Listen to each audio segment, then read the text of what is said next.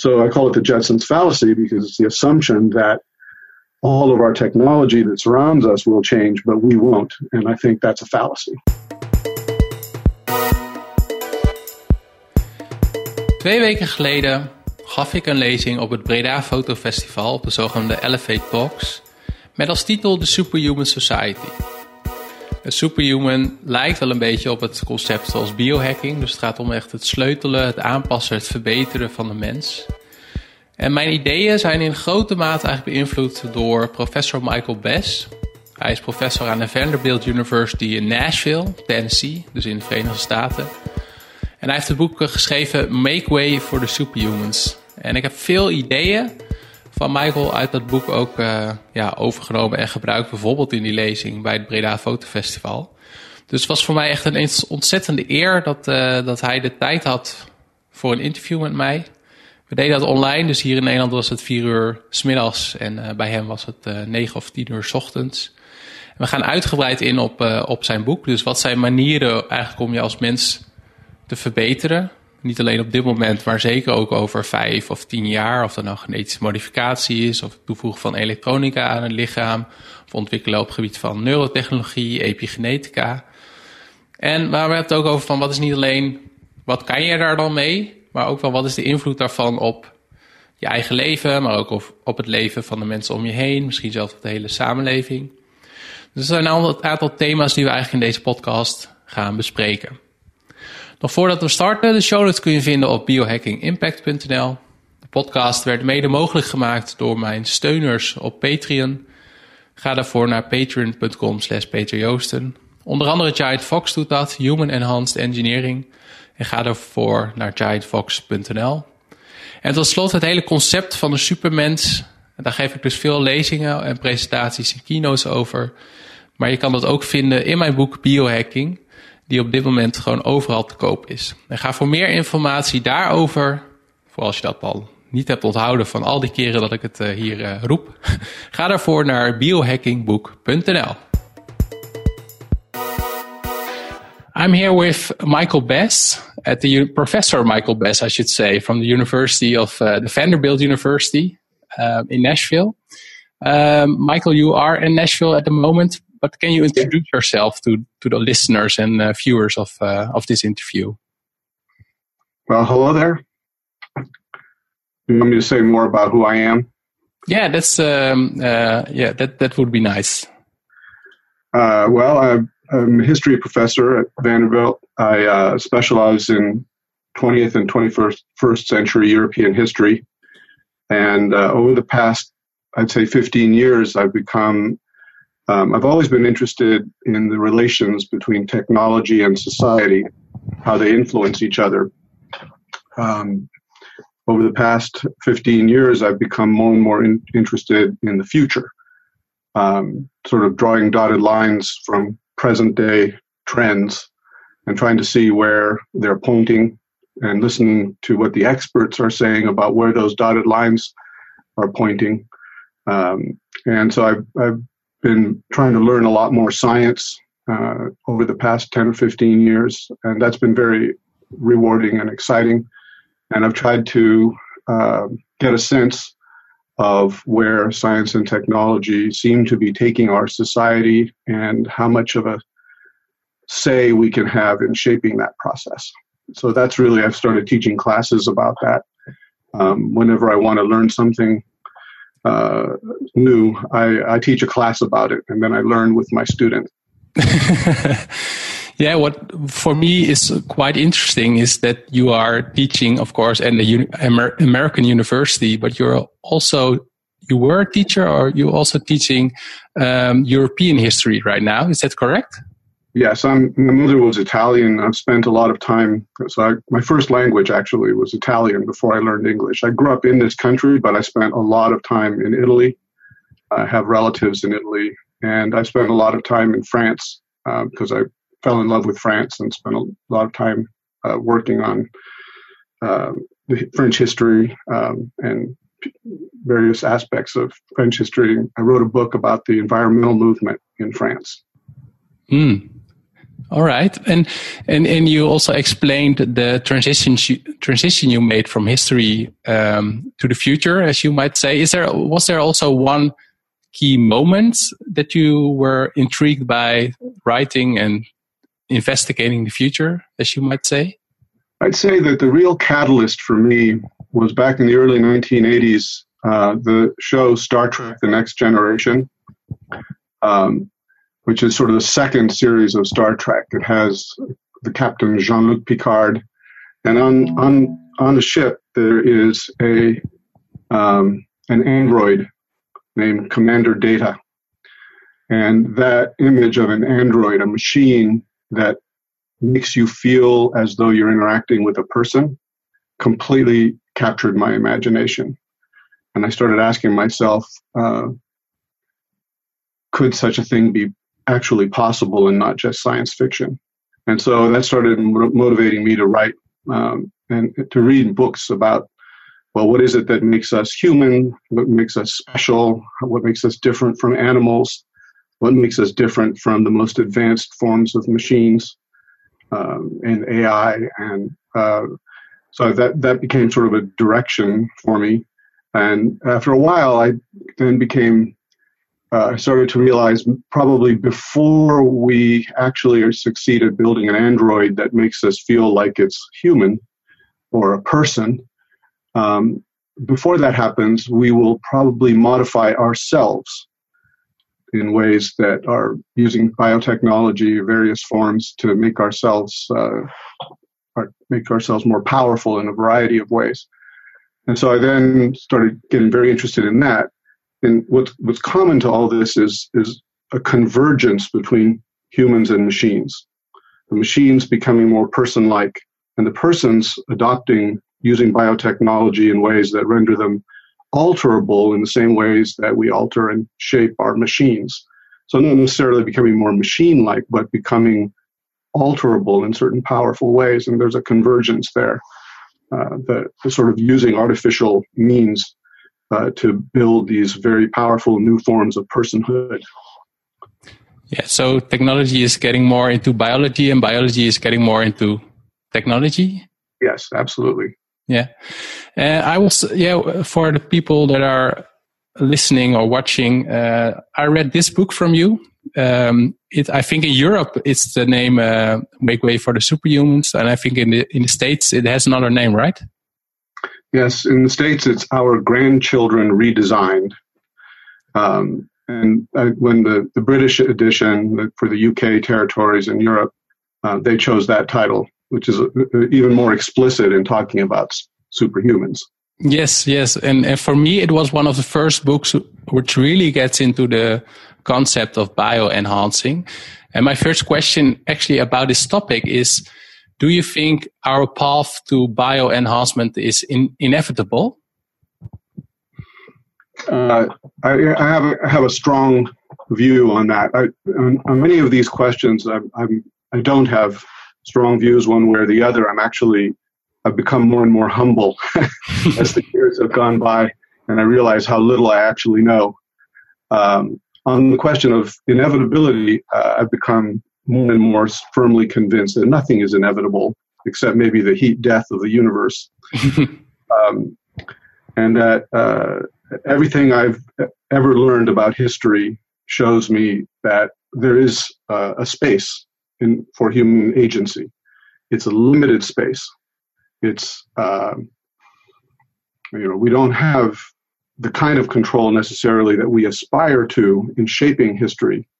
Um, but uh, there is a definite space in which humans, human decisions make a difference. And there can be individual choices, or they can be eventually flowering out into collective choices.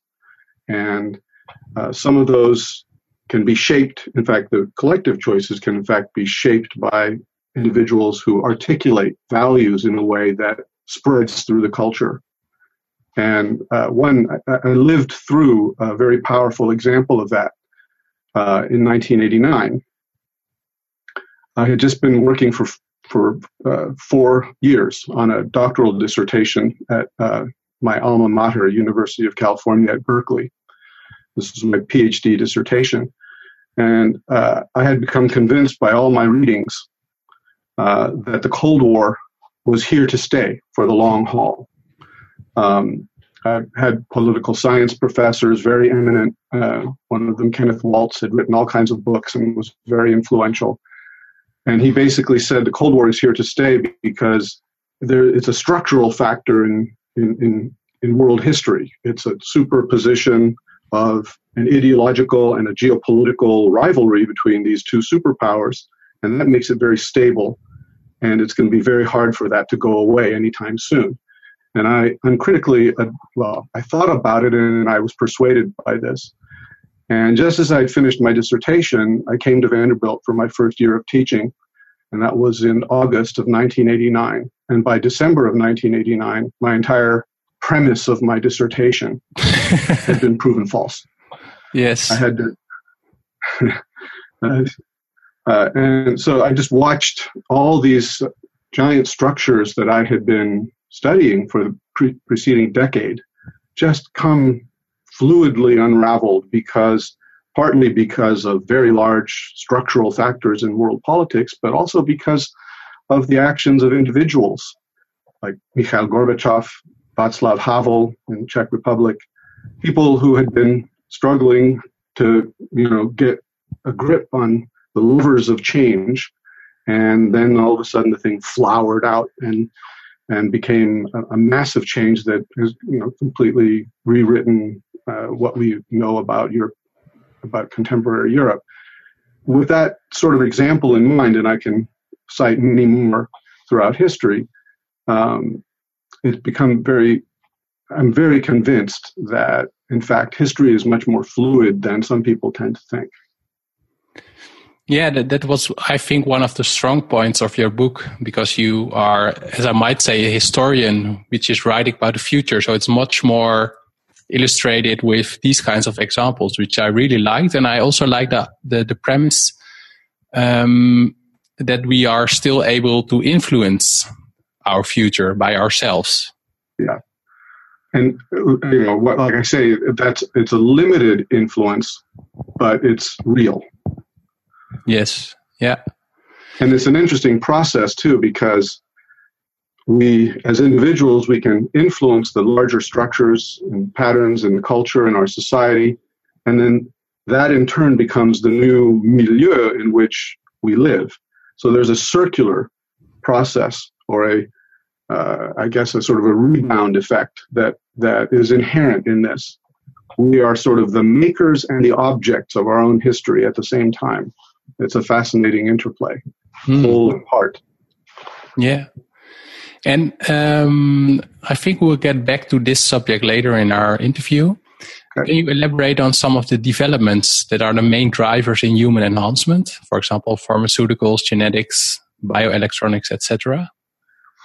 Sure. Um, I would say the pharmaceutical category, uh, we've been already doing that for a long time. Uh, millennia, if you want to include herbal, you know, methods. Um, but powerful pharmaceuticals, uh, you know, in the past century and accelerating since World War II.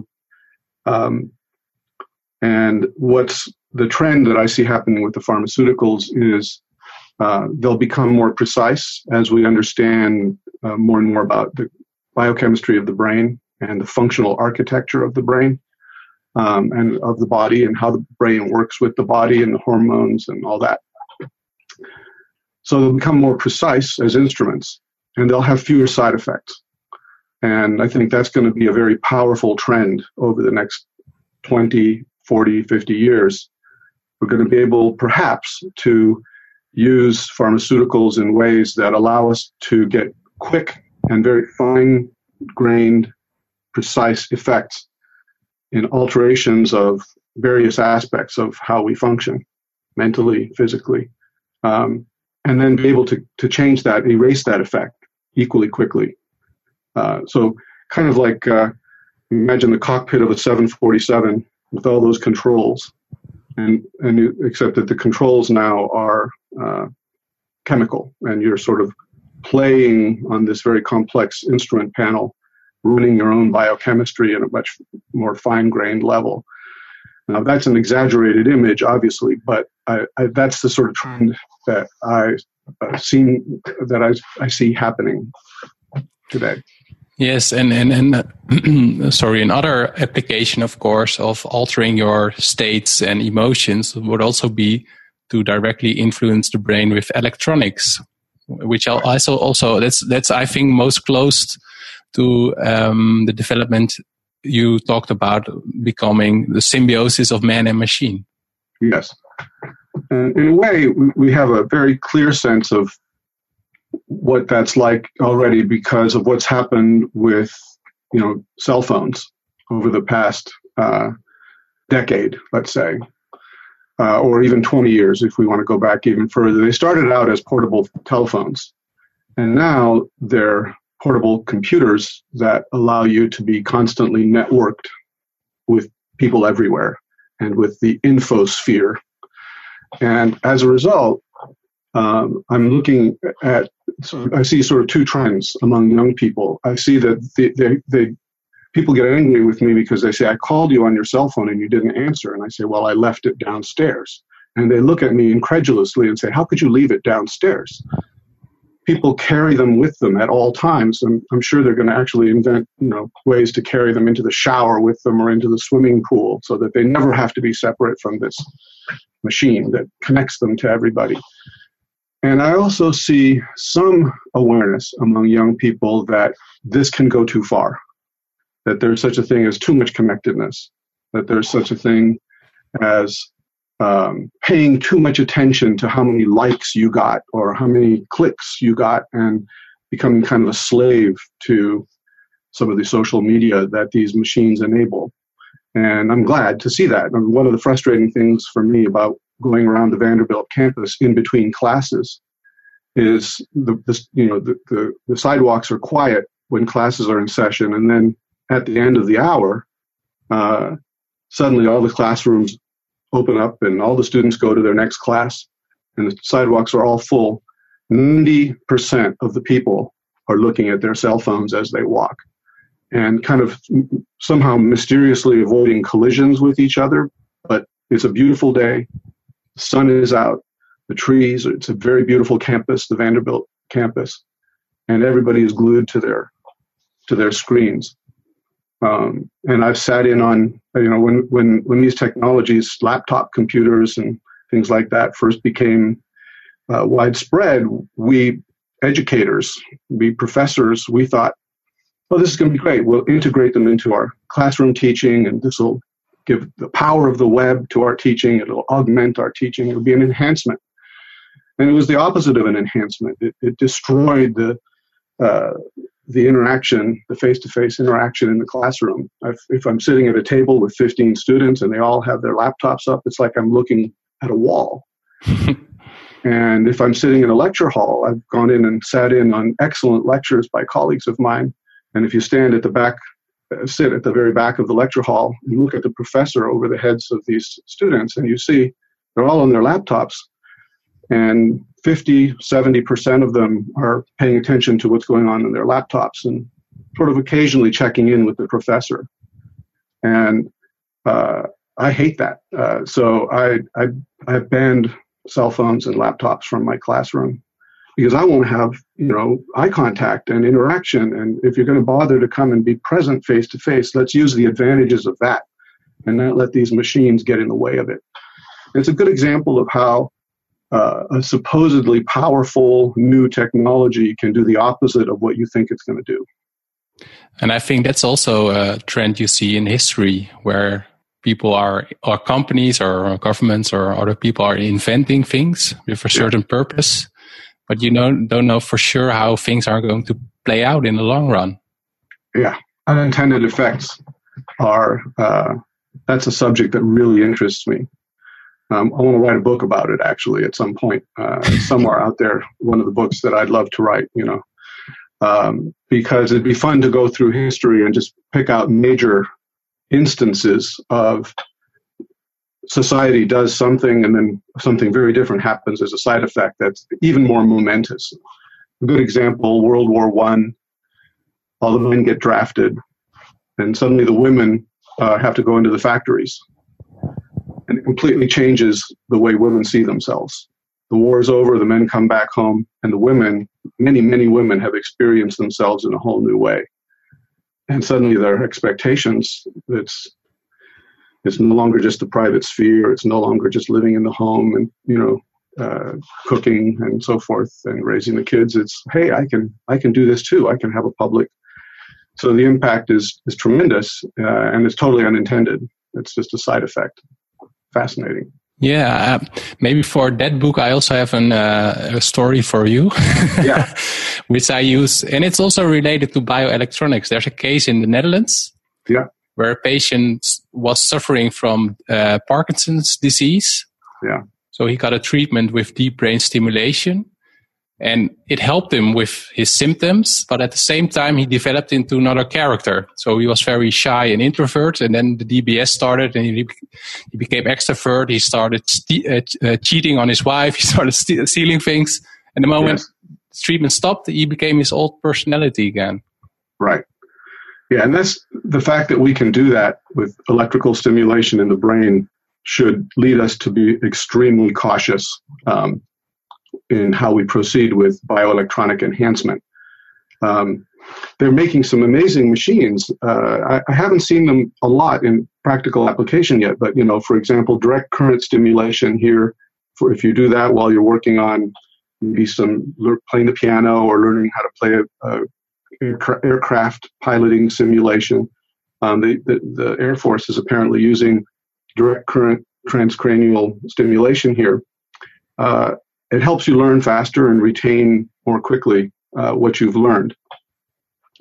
And they don't know exactly how it works, but they know that it does. And uh, you, you see that, and then you wonder, well, what else is happening? Just like you just said. Uh, I, I, there was a graduate student here at Vanderbilt who wrote a dissertation on deep brain stimulation, and he worked with a lot of these patients. And it was fascinating to hear his analysis of how they perceive themselves differently uh, as a result of having become part cyborg. Mm, yeah, yeah, and maybe we get into that later in the interview. Also, sure. talking about ownership and yeah, all types of marketing on modification, etc. Um, I also want to touch on some interesting points which I learned from your book. Um, because in Europe and I also think in the States, there's a lot of debate about designer babies and uh, right. modifying embryos, etc. And you introduced to me the term epigenetic programming. Can you elaborate on that? Yes. Um, when I first heard about designer babies and many of the movies and sci-fi novels about uh, designer babies all assume that you're going to be altering people's DNA um, in order to get precise trait trait outcomes alterations. Um, but if you're going to alter DNA and you have to have propagate through all the cells in the body, you have to do it right at the moment of conception or very shortly after the moment of conception when you have a little blastula. And then every the modification stays in every cell, uh, which means that um, it would have to be parents doing it to their kids at the moment of conception. And that creates a big problem. Uh, the uh, German philosopher Jürgen Habermas has written extensively about that. You you be become sort of an artifact uh, in the hands of your parents, and it would constrain your ability to really be who you are.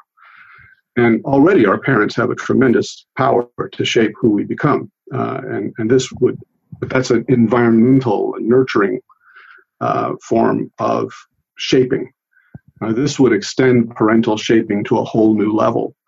And uh, Habermas does a really good job in, uh, of elaborating why this is an, an, encroachment on the autonomy of the, the, autonomous development of an individual. Well, that's a big moral problem with designer babies. And uh, what I found out over the past 10 years, there's a new field uh, that's growing in influence. The scientists are very excited about it, um, called epigenetics. The metaphor for epigenetics uh, that I use is the piano keyboard. If your DNA is is the piano key keyboard with all the different black and white keys that you can hit, those that's your DNA. uh, that's always present in every cell.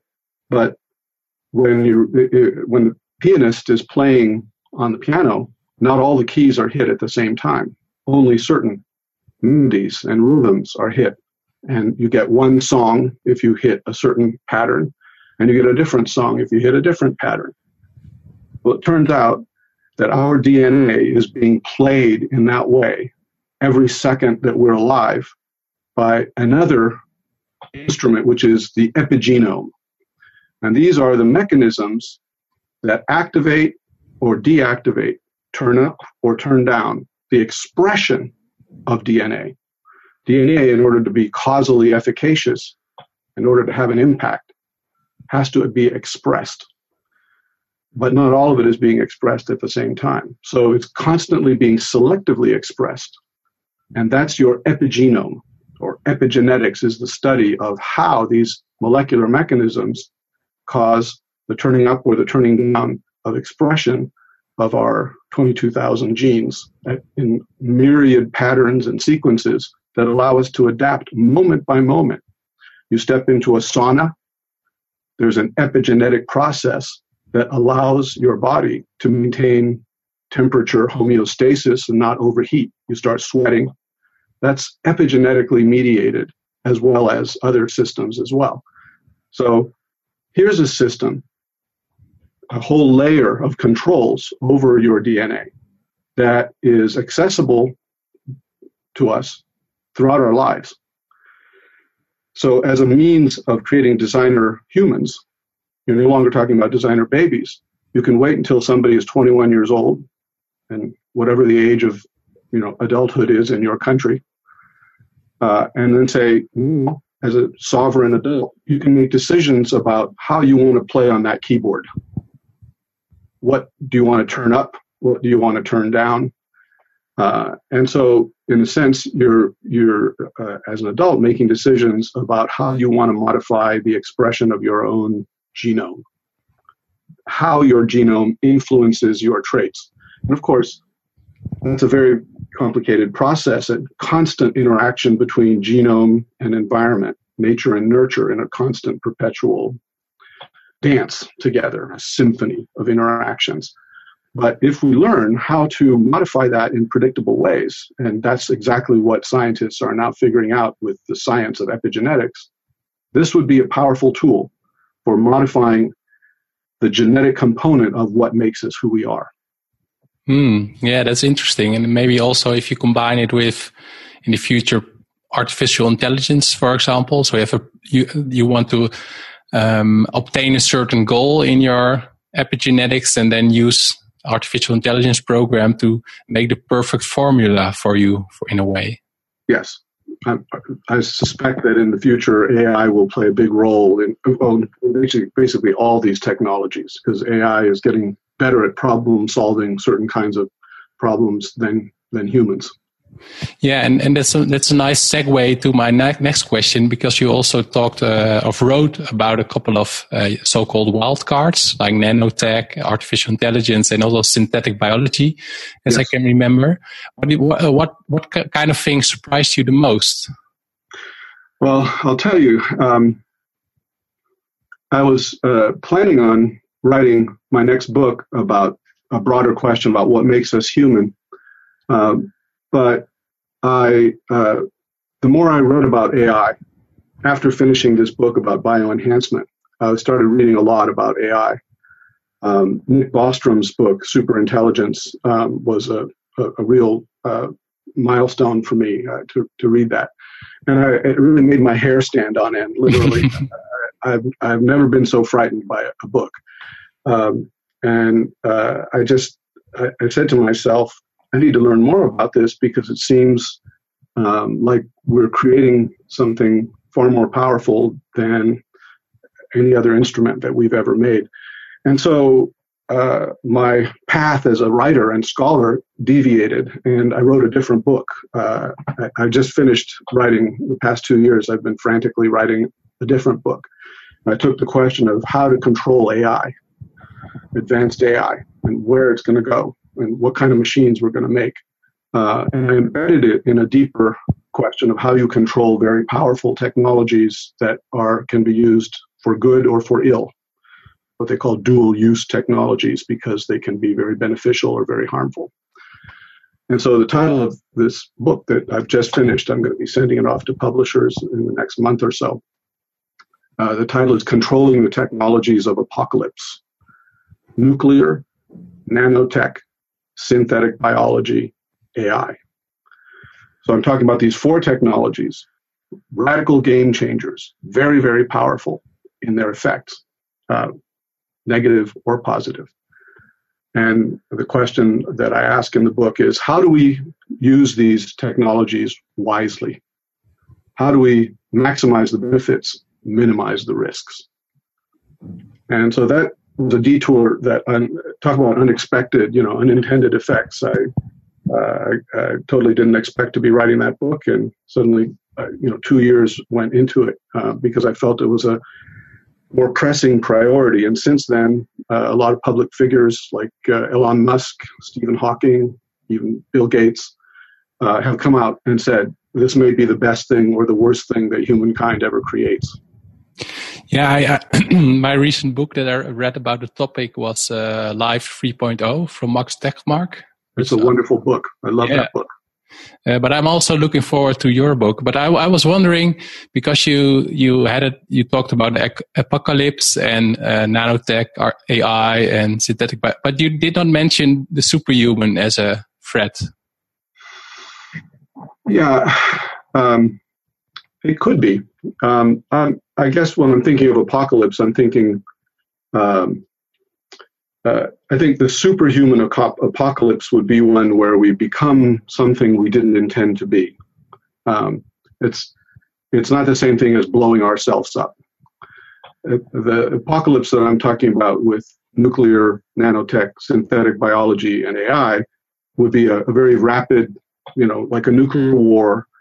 Um, in the case of nanotechnology, it would be the gray goo scenario, even though uh, I, I don't know if your uh, listeners are familiar with the gray goo scenario. It's um, since been discredited, and it's probably the least likely of the apocalyptic scenarios that I consider, but it's still a theoretical possibility. And the idea is to, if you're building very small nanomachines that can self replicate, you get the problem of the sorcerer's apprentice. What if they start becoming omnivorous? and can transform everything in their environment into more copies of themselves. Um, you get the entire planet engulfed by small self-replicating nanomachines, and the world turns into a pile of quivering gray goo. um, that was very alarming when I first read about it 20 years ago, but since then, scientists have um, sort of studied it, and they say as long as you don't build nanomachines that are self-replicating, that's that's not a problem uh, the synthetic biology is worrisome because it's a, it'd be a sudden event. Uh, again, it'd be a pandemic. Uh, biological organisms are precisely designed to self-replicate. They do naturally what we're having a very hard time getting nanomachines to do, which is to make more copies of themselves using the resources in the environment. So now imagine that um, you know, amateur scientists with not with insufficient training start to engineer microbes and make alterations, all well intentioned, let's say, not necessarily a bio weapon, not necessarily bad people trying to do bad things, but uh, well intentioned people just making an oops mistake that unleashes a super microbe that goes out there and does a pandemic uh, worse than the 1919 pandemic that killed between 20 and 50 million people around the world, the Spanish, the, the influenza of 1919, killed more people than World War One.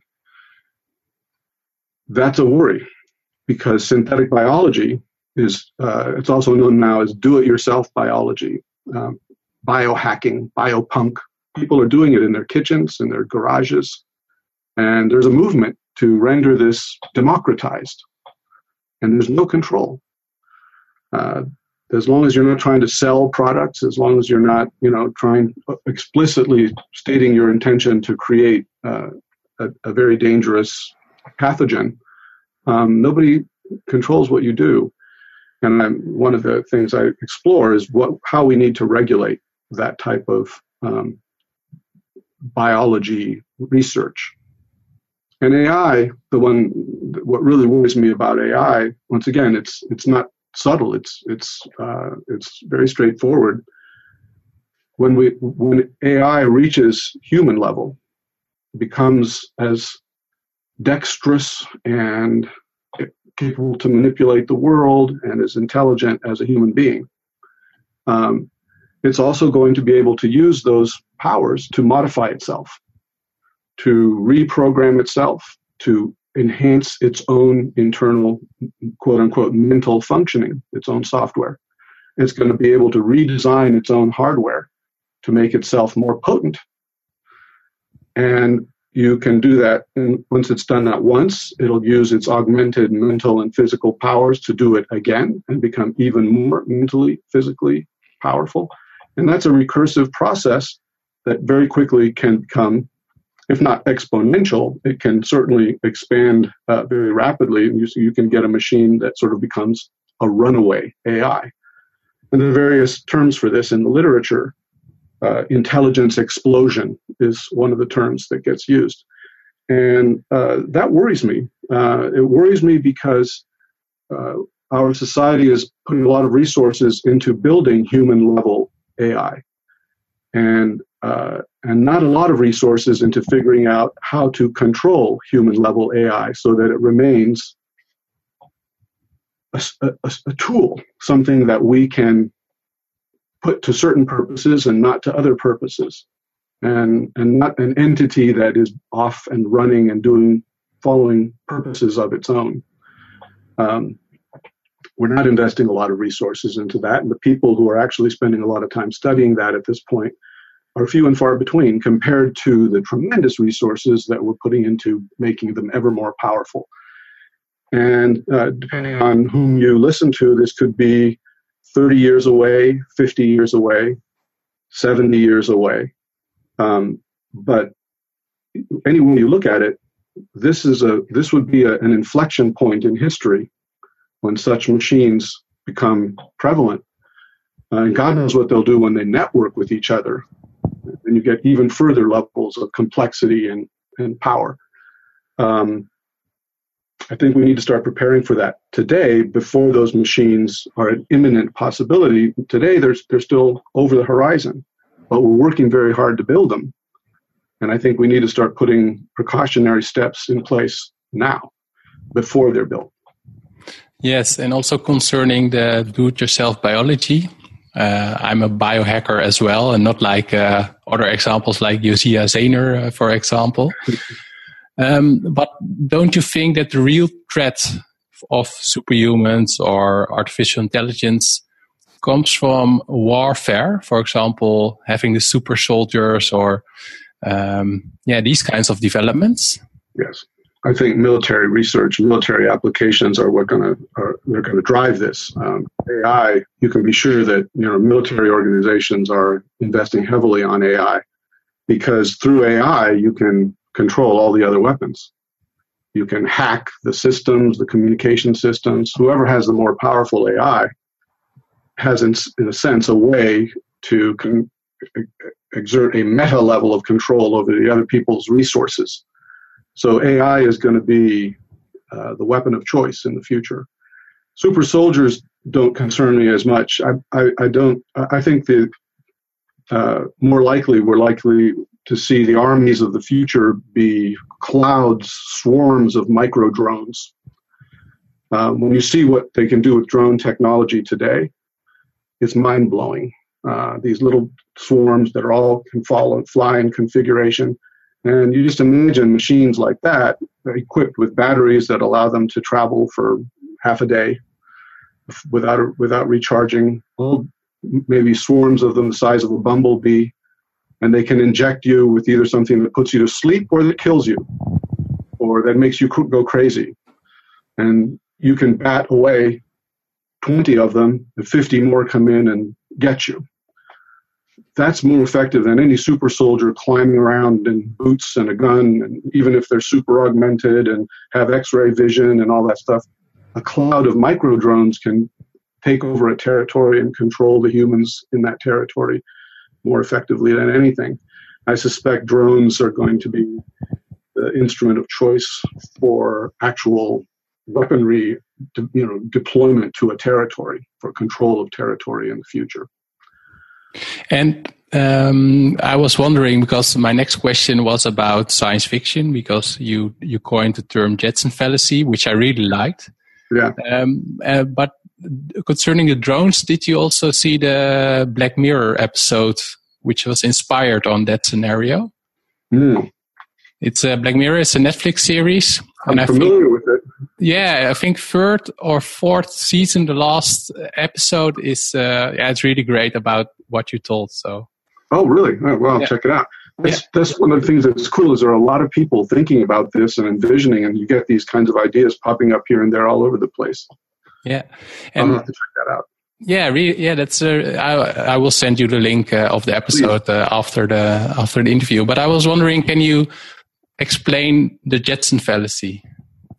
It's very simple. Uh, back in 19, I believe it was 1962, um, there was a very popular um, show called The Flintstones, which imagined uh, American nuclear family back in time, in the time of the uh, dinosaurs. And they, it was so successful that they made another one where they imagined 100 years into the future, it's going to be the year 2062.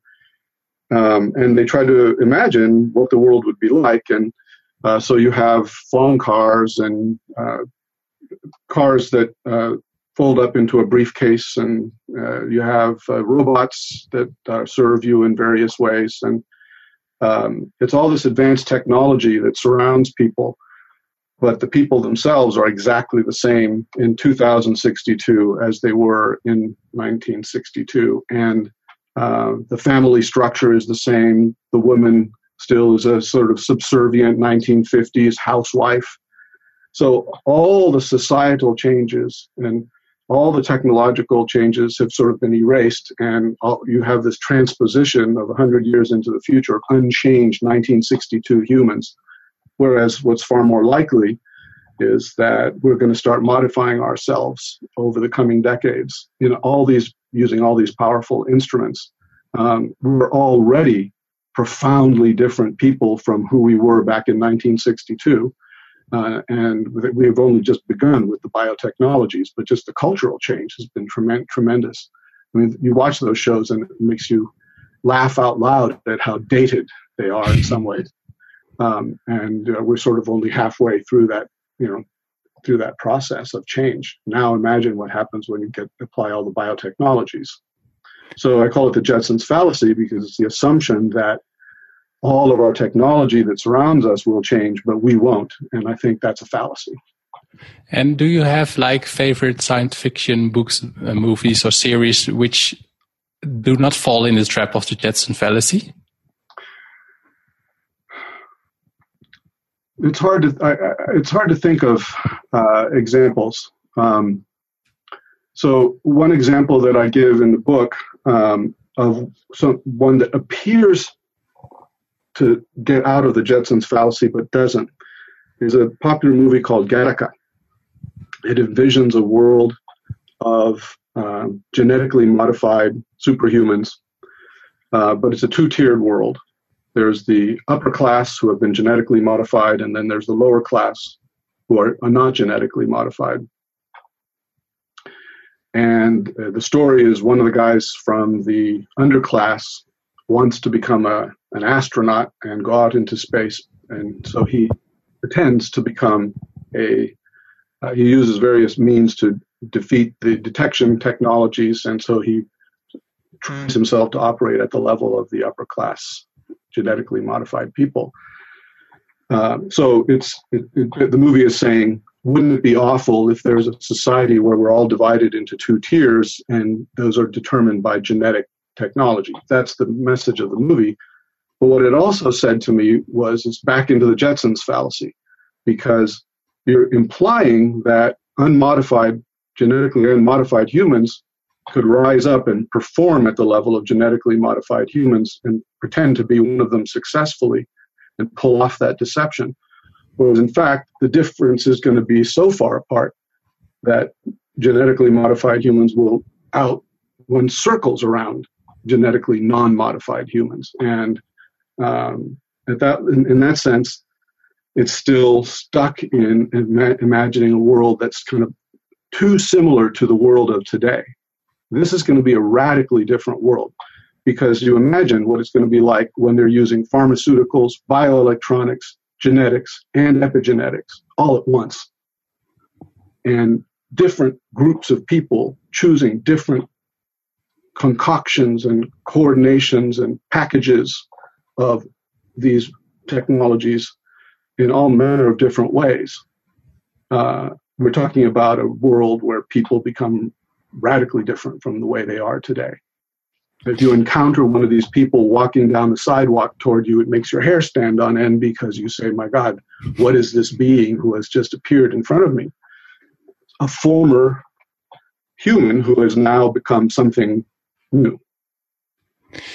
And do you, I think, because, um, let's, let me start over. Do you think it will lead into different class, classes of uh, humans? Like you, uh, you mentioned a couple of enclaves, like the Amish, for example. So you have the modified and the non-modified. Or do you also see, like uh, the book uh, Homo Deus from uh, Harari, that that you really have like uh, superhumans and normal humans? Yes, one of the immediate worries is the, is the same one that was expressed in the film Gattaca, which is you get a two-tiered society, a sort of caste system determined by access to these bioenhancement technologies or no access. Um, and that is something I do worry about very much because it's clear that rich people are going to have first access and best access to these technologies. Uh, many of these technologies are going to be expensive, especially at the beginning. Um, you know, cell phones started out very expensive, and now everyone can own almost everyone. They're spreading all over the world. Um, maybe they'll get cheaper, and eventually that may democratize this uh, a little bit. But one of the things I worry about is a two-tiered system where some people imagine parts of the world where people don't have access to clean water uh, when they're fighting malaria, when they, they have very poor educational systems and they're half starved half the time. Um, they're going to be the last to get access to these bioenhancement technologies that are going to be available in the more industrialized, wealthy countries. Um, and we're talking about billions of people. So the, on a global scale, it's, it's very worrisome. Uh, what's you end up with a two-tiered humankind. Another kind of fragmentation that I worry about is even within wealthy societies where everyone has more or less access to these technologies, or even if you manage to create a sort of global subsidizing plan, sort of like you have in Holland with you know free public health, free uh, education for everybody, for every citizen. Um, even if you can do that on a global scale, you still could get clusters forming of people who get modified according to certain um, tastes, let's say. So, for example, you know, you can imagine uh, two musicians who decide to have a kid, and they want to have a kid who can appreciate music as much as they do. So they go down that path of enhancing the particular traits that make one a good musician. Manual dexterity, the parts of the brain that you know are important for processing music and hearing, and um, and they get they they create a child who is far more uh, given to uh, have having tremendous prowess in music and at the same time, socially, of course, they're connecting with other people who are doing the same thing and not paying so much attention to the people who are trying to produce offspring who are fantastic tennis players, mathematicians, physicists, whatever it may be. And what I see there is a, is a, a sort of social clustering effect of these enhancements forming social groups that each tends to sort of snowball in different directions and a lateral fragmentation. It's no longer the vertical haves and have nots, everybody has access, but they're choosing because of their basic predilections at the beginning to go in certain directions with their enhancements that then feed off of themselves and lead to social clustering. And this could lead uh, to a form of tribalism. Uh, tribalism is something that goes very deep into the human constitution. Uh, seems to be rooted in our ancestors, going back into the time of the savannah, uh, very far back. Part of sort of our behavioral genetics, part of our evolutionary biology. Tribalism, us versus them, is a very basic constituent that's made humans what they're like, what they are. This could be a new form of tribalism taking place in a technologically advanced society, but still a fragmentation. And it's possible to imagine hostility developing, rivalries developing among these increasingly distinct and divergent groups. And that's worrisome. Yes, I, I, I agree. But um, that still comes from a basis or a premise that upgrades are an individual choice do you think it's also a possible path where governments, for example, like in uh, the book uh, Brave New World, decide for their people to upgrade them in any way or alter them in any way, I should say? Well, I doubt that uh, any, uh, maybe in a place like North Korea, uh, you can force people uh, to adopt certain enhancements um, that the government has chosen quote unquote for the good of everybody. Um, in democratically run societies, I think that's not going to be uh, an issue. Um, but what's more concerning is let's say that you do have poor people and rich people, and you want to give everyone access, equal access, so that they have a choice. Don't fire yourself, do, but here we'll, we'll help you pay for it because we know it's expensive. So, in order to get equality, you have to get governments to subsidize it. Are governments going to subsidize me if I decide that I want to add a, a, a prehensile monkey tail to myself? Probably not. They'll say, no, that's a stupid waste of resources. You don't need a prehensile tail. I say, well, I want one. Well, then you have to pay for that yourself. We won't subsidize it what's implicitly happening there is the government is setting certain standards in how it subsidizes access to the technologies. And that is in itself a form of top down eugenics.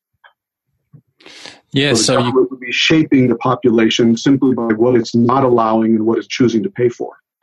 Yes, in in your book, what which I really liked, you also make the case that uh, it's probable that the governments will have a sort of welfare system for these bio enhancements because you also make a scenario if they're not doing it it will cause riots between the modified and the non-modified.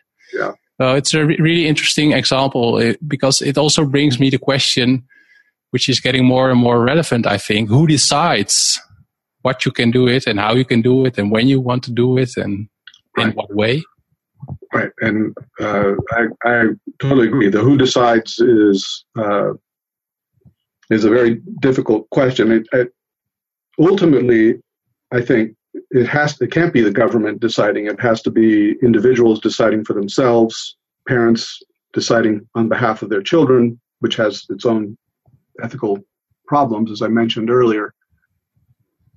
But even if you devolve the decision down to individual citizens and families, you still get these, you still get problems. You're going to get some people who are going to be making modifications that might be dangerous to other people. Uh, you can imagine, for example, bio, bioelectronic implants that jam or fry the bioelectronic implants of other people. Well, you can't allow that. So there's inevitably going to be some controls and some restrictions have to be imposed at the level of government. And so, who decides? Uh, uh, another another problem with who decides. If you have individuals making decisions separately from themselves, and you look at how individuals make those decisions today, there you get the phenomenon that we call fads. So, but imagine fads applied to genetic choices. And so the sort of jokingly in the book, I say you could get the musical 70s, the blonde 90s. Uh, you get periods of time when something is very popular and then that passes and then a new wave comes and a new set of traits becomes popular and everyone, oh, I got to go get that. And everyone runs to get it because we are, once again, sort of like sheep. We run toward what everybody else is doing. We're heavily influenced by what we see other people adopting or not adopting. And uh, who decides? Well, it's hard for me to resist it if everyone around me is doing it. Uh, you have to take a very strong stand uh, and, and make decisions for yourself, uh, which is what I think is going to be one of the crucial characteristics that citizens have to take responsibility for nurturing inside themselves in this coming era if we're going to survive this without it becoming a form of apocalypse, like you were saying earlier. Um, and what I what I say is in, in the book is we're going to have to each of us make become very clear about what it means for a human being to flourish. We're going to need to decide for ourselves what are the things that really bring meaning into my life? What are the things that really matter? What are my deepest values? And then every time that you're offered some form of bioenhancement, you have to ask yourself, measuring it against that yardstick of human flourishing and your own values, integrate it into the totality of my life. If I do this, what do I gain and what do I lose? Because inevitably there will be trade offs in almost every case.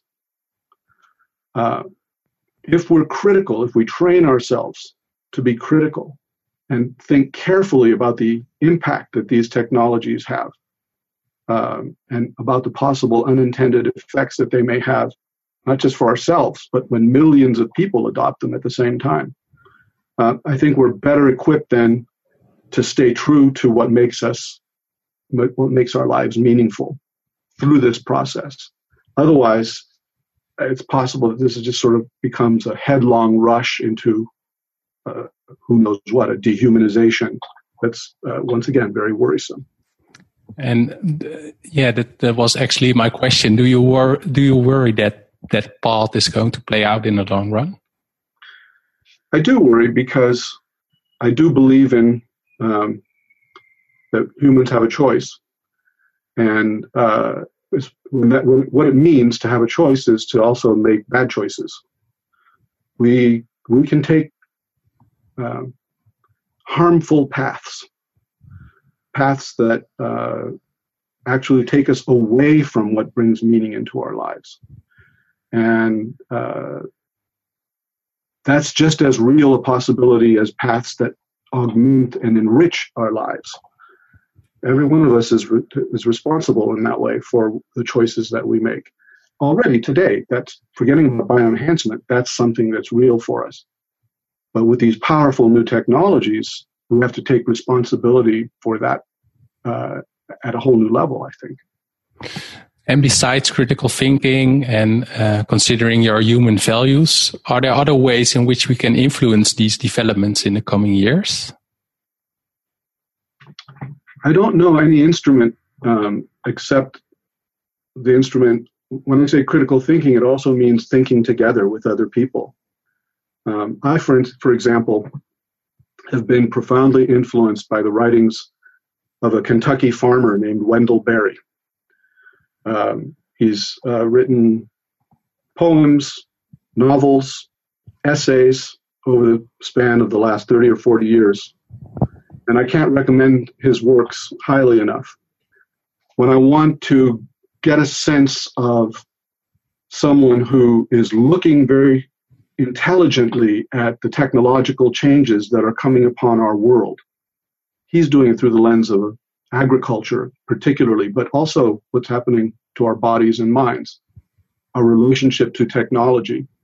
He strikes me as one of the more humane and uh, insightful observers of this phenomenon, and he has chosen certain forms of renunciation and voluntary simplicity, uh, uh, kind of like I had to do with laptops in my classroom. Saying no selectively to certain technologies, saying yes to others, but constraining their use so that they stay tuned to making your life richer and more meaningful so that they are in alignment with your values. And he's extraordinarily good at applying that question again and again in all different aspects of how he lives his life. Uh, he's an extraordinary, I've also had the good fortune to meet him and talk to him, an extraordinary human being. So I can't recommend his books highly enough. Just almost anything that you go and get from Wendell Berry is uh, magical. I will add, excuse me, I will add it to the show notes. Good. So, um, and uh, we're coming up to the last part of the interview. Okay. Um, you wrote a book about bioenhancement as superhumans. If you can upgrade yourself in any way, what would you choose? Um, I guess there are two pathways that I see for enhancing oneself. Uh, one is technological, and one is not technological. Of the two, uh, for me, the most important one has been uh, non technological. Every morning for 20 minutes, I practice meditation. That has had a profound impact on who I am, how I live the hours of my day. Um, it ripples out through the rest of the day. And for me, that was a it's a tool in a sense. It's an instrument that I have adopted. It's a technique that I have adopted. I've integrated it into my daily life. Um, and it's allowed me to become more uh, developed in along certain values that matter a lot to me. Uh, humility gratitude kindness love. These are real enhancements. I feel so much more alive and so much i feel so enhanced as a person because of a 20 minute sitting on a bench and watching my own heart and mind process. Nothing technological about it at all. And I, I want to emphasize that because too often we're looking for fixes. We're trained to think, well, here's a problem, let's build a machine to fix the problem. This is something this is a good example of how you can augment yourself uh, without any without looking outside at all. No machine. You're looking inside. Now you're you're using a technique. You're using an instrument.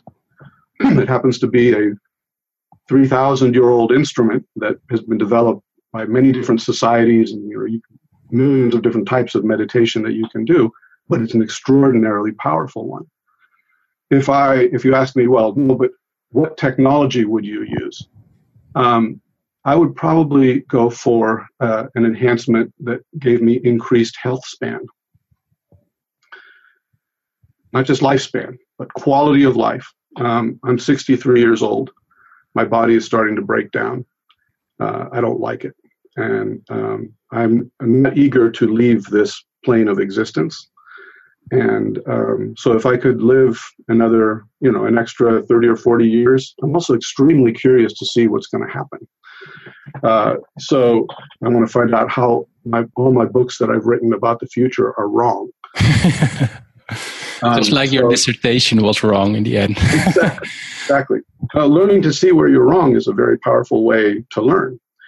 And uh, uh so if I could have an increased health span, um, that would be the simplest uh, uh, form of. Obviously, it's it, it's a it's a very basic form of bioenhancement. I'm not asking for any superpower of any sort. I'm just asking to live to be 110 and feel like I'm 50.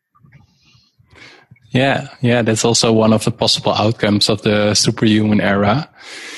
Um, and, and, in the end, you also wrote a book uh, in which you discussed about uh, the ap- apocalypse, as I should summarize it. But yeah. in the end, are you positive about the future of mankind? I would say um, I'm less negative than I used to be um, because uh, I see tremendous potential for good or for ill in in every one of us. Um, and when you look at history, um, there are you can read it through two different lenses. One a pessimistic one. Oh, look how awful we are. Look at all the repeating cycles of war and brutality and exploitation and oppression. But you can also read it in a different light that says, actually, certain values have been gradually coming to be asserted more humaneness, dignity, respect, kindness, nonviolence. Those are real options. Um, so I'm neither I, I'm not optimistic or pessimistic in the sense that I think that there's a fixed outcome waiting for us out there and it's either good or bad. Because I come back to it's up to us to make it what it's going to be. But I do think I'm more optimistic about the resources within us to make the right choices. Although it's equally within our power to make terrible choices that lead to apocalypse. Mm. And Michael, we, we covered a lot of ground. Uh, did we miss something you want to address? No, I think uh, we've pretty much covered it all in one hour. yeah, we can talk on uh, for a couple of hours, but I'm respectful of your time. Um, of course, I will lead people, or I will link to your book in the show notes, and uh, I'm also looking forward to your new book. Hopefully, it's also going to be published in uh, in Europe. Hopefully. Yeah. Uh, how can people uh, know more about you or get into touch with you or are you on social media, for example? No, I avoid social media like the plague. Um, uh, uh, because it just sucks my, my time and I, I, so I can't do anything if I do social media. Um, the simplest thing is to Google my name, Michael Bess. And of the 10 first entries that show up on Google, I'm nine of them. Um, and it can take you to my website. You can email me. Uh, you can find, uh, it's easy to get in touch with me via email. Great. And and do you have any plans to go do a visit to Europe anytime soon? Maybe give lectures or? I am planning on coming to Europe. My daughter's going to be doing a Fulbright scholarship in Spain this coming year, uh, in Galicia. Mm. So uh, I'm uh, eager to come. I'm going to come visit her, and of course, I'll be in Europe. I'll be traveling around, maybe go see relatives in Italy, see friends in France, uh, and if I get to come to Amsterdam, which is one of my favorite cities, I will definitely come to Amsterdam. All right. That uh, I'm looking forward to that. Uh, with that, I want to thank you a lot for this interview. My pleasure. Mijn vraag aan jou voor deze keer is: wat zou jij willen veranderen, verbeteren of aanpassen aan je eigen lichaam? Ik? Ik vind dat wel een goede vraag. Ik zou denk ik nog meer.